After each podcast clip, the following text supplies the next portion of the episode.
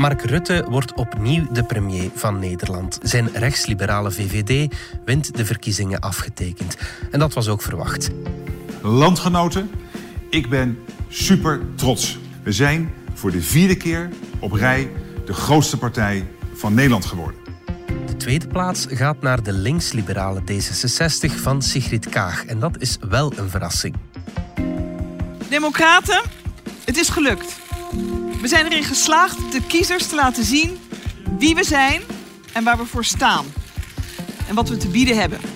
En deze buitengewone prestatie is van jullie. Het is een krankzinnig avontuur. Welke richting gaan onze noorderburen uit? Het is vrijdag 19 maart. Ik ben Alexander Lippenveld en dit is de podcast van de Standaard.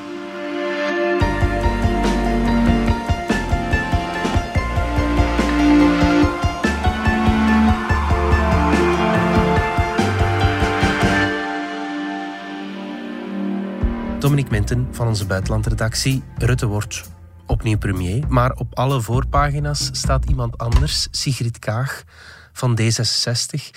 Zij is de grote verrassing van de verkiezingen. Hè? Dat klopt. Dat er aandacht gaat naar Kaag komt inderdaad omdat het zo verrassend is. Uh, aanvankelijk was niet gedacht dat er een Kaag-effect zou zijn. Toen zij midden vorig jaar verkozen werd tot lijsttrekker van D66, uh, liep dat aanvankelijk niet zo vlot. In de peilingen kwam zij er niet echt goed uit. Veel Nederlanders vonden haar een beetje te, te elitair, te hautain. Ze is een diplomaat. Ze is een diplomate. Dat straalt ze ook wel heel erg uit. Ja. Uh, dus het spreekt niet echt de gewone man echt direct aan. Mm -hmm. Maar dat is dus eigenlijk gekeerd. Zeker die laatste weken van de campagne okay. is dat toch beginnen bovendrijven. Dat er wel degelijk een soort van D66-kaag-effect zou kunnen komen. Ja. En dat is dan ook uitgekomen. Als je begint aan een avontuur, dan geloof je in je boodschap. Altijd maar afwachten of mensen die boodschap ook willen horen. Of ze willen luisteren of ze hem willen overnemen. En er was zeker ook aan het begin kritiek. Maar de afgelopen maanden bekoopt me echt het idee, het gevoel dat mensen klaar waren voor het optimisme en de visie van D66. Wat is haar achtergrond? Wel, Kaag is eigenlijk een carrière-diplomaat geweest. Mm -hmm.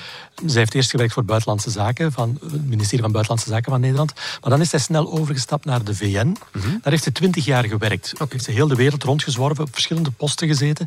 Haar laatste post meest prominente ook, was... Zij heeft een missie geleid, de VN-missie, die de chemische wapens in Syrië moest ontmantelen. Oké, okay, ja. Die organisatie heeft daar de Nobelprijs voor de Vrede voor gekregen. Ja. Dus zij, zij pronkt daar een beetje mee, maar dat is ook heel dubbel. Heel die ont ontmanteling van die chemische wapens, mm -hmm.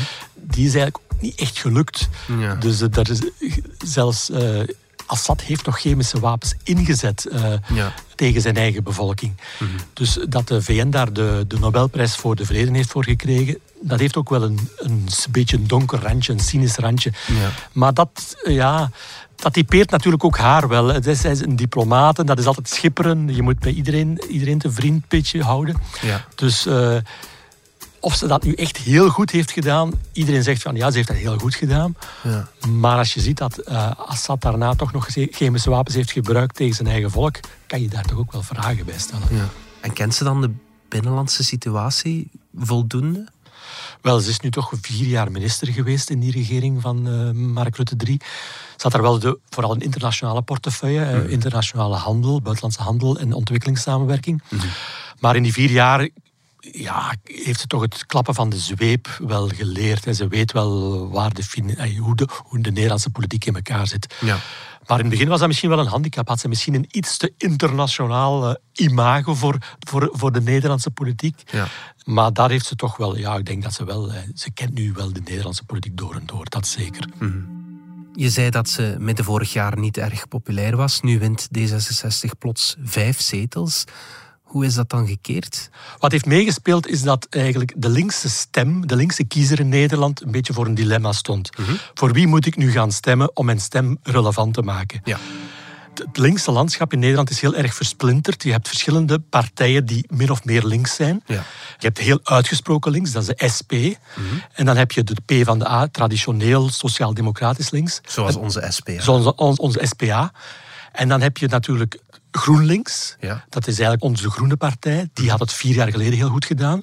En dan heb je D66. Dat, is eigenlijk, dat wordt wel links-liberaal genoemd. Maar die zijn eigenlijk toch vooral eigenlijk een middenpartij. Oké, ja. En denk ik wel progressief, zeker op ethische standpunten. Ik zie het vertrouwen dat wij als D66 hebben gekregen als een bevestiging. Een bevestiging dat wij als enige progressieve partij de afgelopen jaren ook echt invloed hebben gehad en die invloed hebben gebruikt. We hebben bewezen dat een stem op D66 waarde heeft. De Nederlandse uh, linkse kiezer heeft vooral willen maken dat zijn stem niet verloren zou gaan. Dat het geen verloren stem zou zijn. Ja. En dus heeft hij gedacht van, D66, die zit nu al in de regering. Als ik daarop stem, als ik die partij nog groter maak, dan gaat dat misschien die links, dat linkse geluid uh, zwaarder kunnen wegen in de nieuwe regering. In de nieuwe regering, ja. ja, ja, Want Sigrid Kaag werpte ook de ambitie op dat zij de eerste vrouwelijke premier van Nederland. Uh... Absoluut, dat heeft ook meegespeeld, denk maar ik. Maar was dat een campagnetruc of was dat eerder een echte ambitie? Want tegen Mark Rutte het opnemen. Is dat is heel moeilijk. Dus, uh, dat... Maar ze heeft dat van in het begin gezegd. Dus Nederland heeft nog nooit een vrouwelijke premier gehad. Daar wordt al heel lang over gespeculeerd. Dat de Nederlanders beschouwen zich graag als toch een progressief land. Ja. De, rol van de vrouw, de gelijkheid van de vrouw is daar heel belangrijk. Mhm. En toch hebben ze nog nooit een, een, vrouwelijke premier gehad. Dat is een debat dat daar al heel lang leeft. Mhm. En zij speelt daar wel erg op in. Zij heeft daar van in het begin erg op ingespeeld. Ja. En dan hebben ze eigenlijk ook D66... Uh, zijn ze naar de kiezer getrokken met de campagne Het is tijd voor nieuw leiderschap. Het is fantastisch om verkozen te zijn tot D66-lijsttrekker voor de verkiezingen volgend jaar. Het is tijd voor nieuw leiderschap voor iedereen in Nederland. Ik ben Sigrid Kaag en samen maken we D66 de allergrootste partij. Ook dat was wel slim, want uh, heel die campagne draaide rond Mark Rutte. Mm dat de VVD heeft dat heel erg uitgespeeld, van de ervaren leider moet kunnen doorgaan. Eerlijk gezegd, ik ben optimistisch over de toekomst. Eerst natuurlijk de komende maanden uit de crisis en daarna samen sterker verder. Voor iedereen in Nederland, daar zie ik ontzettend naar uit. En een aantal Nederlanders is na tien jaar Mark Rutte wel uitgekeken op, op, op, op, de man. Tien jaar is al lang natuurlijk. Tien jaar is heel lang. En, en, dus het was tijd. Dus degenen die echt vinden dat er echt wel eens een, een nieuwe leider, een nieuwe premier mag opstaan, mm die hebben dan ook gedacht van ah, Sigrid Kaag speelt dat echt uit. Hè, zij wil dat. Mhm. Dus laten we haar maar eens uh, de kans geven. Speelde het ergens in de kaarten van Kaag dat er geen traditionele campagne was door de coronacrisis. Je zegt dat ze een diplomate is, een beetje elitair, wat verder van het volk staat. Je kan geen markten gaan afschuimen. Dat, is een, dat, zal, dat is een, kan zeker meegespeeld hebben. Ja, mm. ze is niet de mensenmens, dat is, dat is ze niet echt. Mm. Maar ze, ze staat wel haar mannetje uh, heel goed in, in de debatten. En die zijn er wel heel veel geweest, de tv-debatten, de radio- en tv-debatten. En daar heeft ze eigenlijk wel een goede beurt gemaakt ook in het laatste debat, dat eh, de dag voor de verkiezingen nog heeft plaatsgevonden, op de NOS heeft dat uitgezonden, mhm. daar werd ze heel erg aangevallen door uh, Geert Wilders. Mhm. Dus zij is getrouwd met een Palestijn. Mhm. Dat heeft altijd ook meegespeeld in Nederland. Zo van, kan je, Nederland is een heel erg pro-Israël land. Ja, ja. De, de pro Israël-lobby is daar heel sterk. En ze heeft zich altijd moeten verantwoorden voor het feit dat ze met een Palestijn is getrouwd. Ja. Uh, dat heeft ook meegespeeld dat, ze, ja, dat de Nederlanders een beetje wantrouwig stonden tegenover haar. Ja. En in het laatste debat heeft uh, Geert Wilders haar nog eens aangevallen. Het feit dat ze toen op, op, op missie was in Iran, mhm. dat ze toen een hoofddoek droeg. Ah, ja. Uh, Geert Wilders zei van, jij bent een verrader. Ja, oké. En zij heeft daarop heel erg scherp gereageerd van, dit, dit pik ik niet. Dit dus dat je me daarop durft aan te vallen, dit pik ik niet. En ja, dat kwam wel heel sterk over. Ja ook dat heeft, eh, denk ik, de, de kiezers die nog twijfelden, overtuigd van, kijk, eh, die vrouw eh, die heeft wel ballen aan haar lijf, die durft het echt tegen Geert Wilders op te, op te nemen. Mhm. Dus laten we haar maar kiezen. Laten we mhm. maar voor haar kiezen. Ze wierp zich dus op als de uitdager van Rutte, zeg maar, voor het premierschap. Maar is, zeker, ja. is ze dan ook de anti Rutte? Dat ook weer niet. Mm D66 heeft vier jaar, de voorbije vier jaar bestuurd samen met Mark Rutte. Mm Zij straalt ook dat serieus uit, dat de degelijk bestuur. En die pragmatiek. De pragmatiek ook, ja. want welk soort partij is D66 eigenlijk? Ja? Ze noemen zichzelf linksliberaal. Dat kennen wij hier niet. Dat kennen wij hier niet echt. En zeker op ethische thema's zijn ze veel progressiever dan bijvoorbeeld de VVD. Mhm. Maar op sociaal-economische thema's zijn ze toch ook redelijk echt wel... Het zijn liberalen, dus dat zijn geen socialisten. Hè. Ze mhm. gaat geen socialistisch beleid gaan voeren. Mhm. Dus op dat vlak past, hij sluit ze eigenlijk wel heel erg aan bij de VVD. Ook de VVD is, is, in haar campagne, ook op sociaal-economische thema's, een beetje naar links opgeschoven. Ja. Dus op dat vlak is er eigenlijk niet zoveel verschil met Mark Rutte. Mhm. Dus of, of je nu premier Kaag krijgt of premier Rutte op sociaal-economisch vlak, denk ik niet dat dat zo'n groot verschil gaat maken in, mhm. Nederland. Ja, die pragmatische stijl, daar scoor je nu eenmaal mee in Nederland. Een heel emotionele ehm, premier, ja, dat, dat, dat willen ze daar misschien niet. Een deel van de Nederlanders wil dat misschien wel, maar de grote meerderheid mhm. wil dat inderdaad niet. De Nederlanders willen eigenlijk ook dat hun land gewoon goed bestuurd wordt. Ja. Van Mark Rutte werd gezegd van hij, is de, hij bestuurt Nederland als een fabriek, als een, als een multinational. Ja. En eigenlijk heel veel Nederlanders vinden dat best wel oké. Ze willen gewoon een goed bestuur. Niet te extreem, middle of the road, mhm. goed op de centen letten. Ja. Uh, dat blijft belangrijk. Ja, dat is ook wat arbeidseconoom Yves Mark schreef in een column in onze krant. Ja, de vaststelling is duidelijk dat, dat Nederland natuurlijk uh, op veel vlakken een, uh, een superieur bestuurd land is. Hè. Dat is een land waar dat altijd top staat in allerlei economische rankings, uh, rankings van concurrentiekracht en economische aantrekkelijkheid. Maar staat tegelijkertijd top in allerlei rankings van sociale uitkomsten in de Human Development Index in het Europese sociale scorebord. En dus er zijn heel weinig landen ter wereld te vinden die dat, beter doen. Ja, en dan, dan lijkt het me ook niet te, te verbazen dat, dat politiek daarvoor beloond wordt durf niet in te schatten wat, wat Mark uh, Rutte zijn visie uh, is. Hij is, vooral iemand die, die stevig de hand aan het, aan het uh, roer van die Nederlandse overheid houdt. en daar wordt beleid niet gemaakt door, door één man of door, door een aantal ministers die dat, die dat even improviseren. Over veel beleid wordt heel goed nagedacht daar. Daar is het ook een heel uitzonderlijk land in. Ze hebben al die die denktanks, hebben het Sociaal en Cultureel Planbureau, ze hebben de Wetenschappelijke Raad voor het Regeringsbeleid en dies meer. Eh, en die maken heel, eh, heel, heel degelijke adviezen, waar bovendien ook naar, naar geluisterd wordt. Hè. Dus beleid wordt daar niet, niet geïmproviseerd. En, en, ja, en, en, en, Rutte staat aan, aan het roer van die, van die machine en hij moet daar niet zelf eh, allerlei uh, ideeën gaan, gaan, gaan improviseren. Dat, dat, dat wordt gedaan en dat wordt ook op een degelijke manier gedaan. Het moet natuurlijk op een goede manier worden uitgevoerd. Dominique, de VVD blijft wel veruit de grootste partij en Mark Rutte zal opnieuw premier worden. Hoe wil Sigrid Kaag haar succes nu verzilveren? Dat is een heel goede vraag. Ik, ik, zie het op dit moment ook niet heel helder in. Zij heeft zelf gezegd van, ik wil een zo progressief mogelijk kabinet. Als je op mij stemt, ga ik ervoor zorgen dat we een zo progressief mogelijk kabinet gaan krijgen. Ja, bon. Dat kan je op heel veel manieren... Kan je op heel veel manieren invullen. En inderdaad, uh, maar ze gaat moeten besturen met, met de VVD. Mhm. Dus uh, Mark Rutte gaat premier blijven. Daar, daar kan niet aan getwijfeld worden. Mhm. En de VVD is er een klein beetje naar links opgeschoven in de campagne, maar wezenlijk blijft de VVD een rechtse partij. Ja.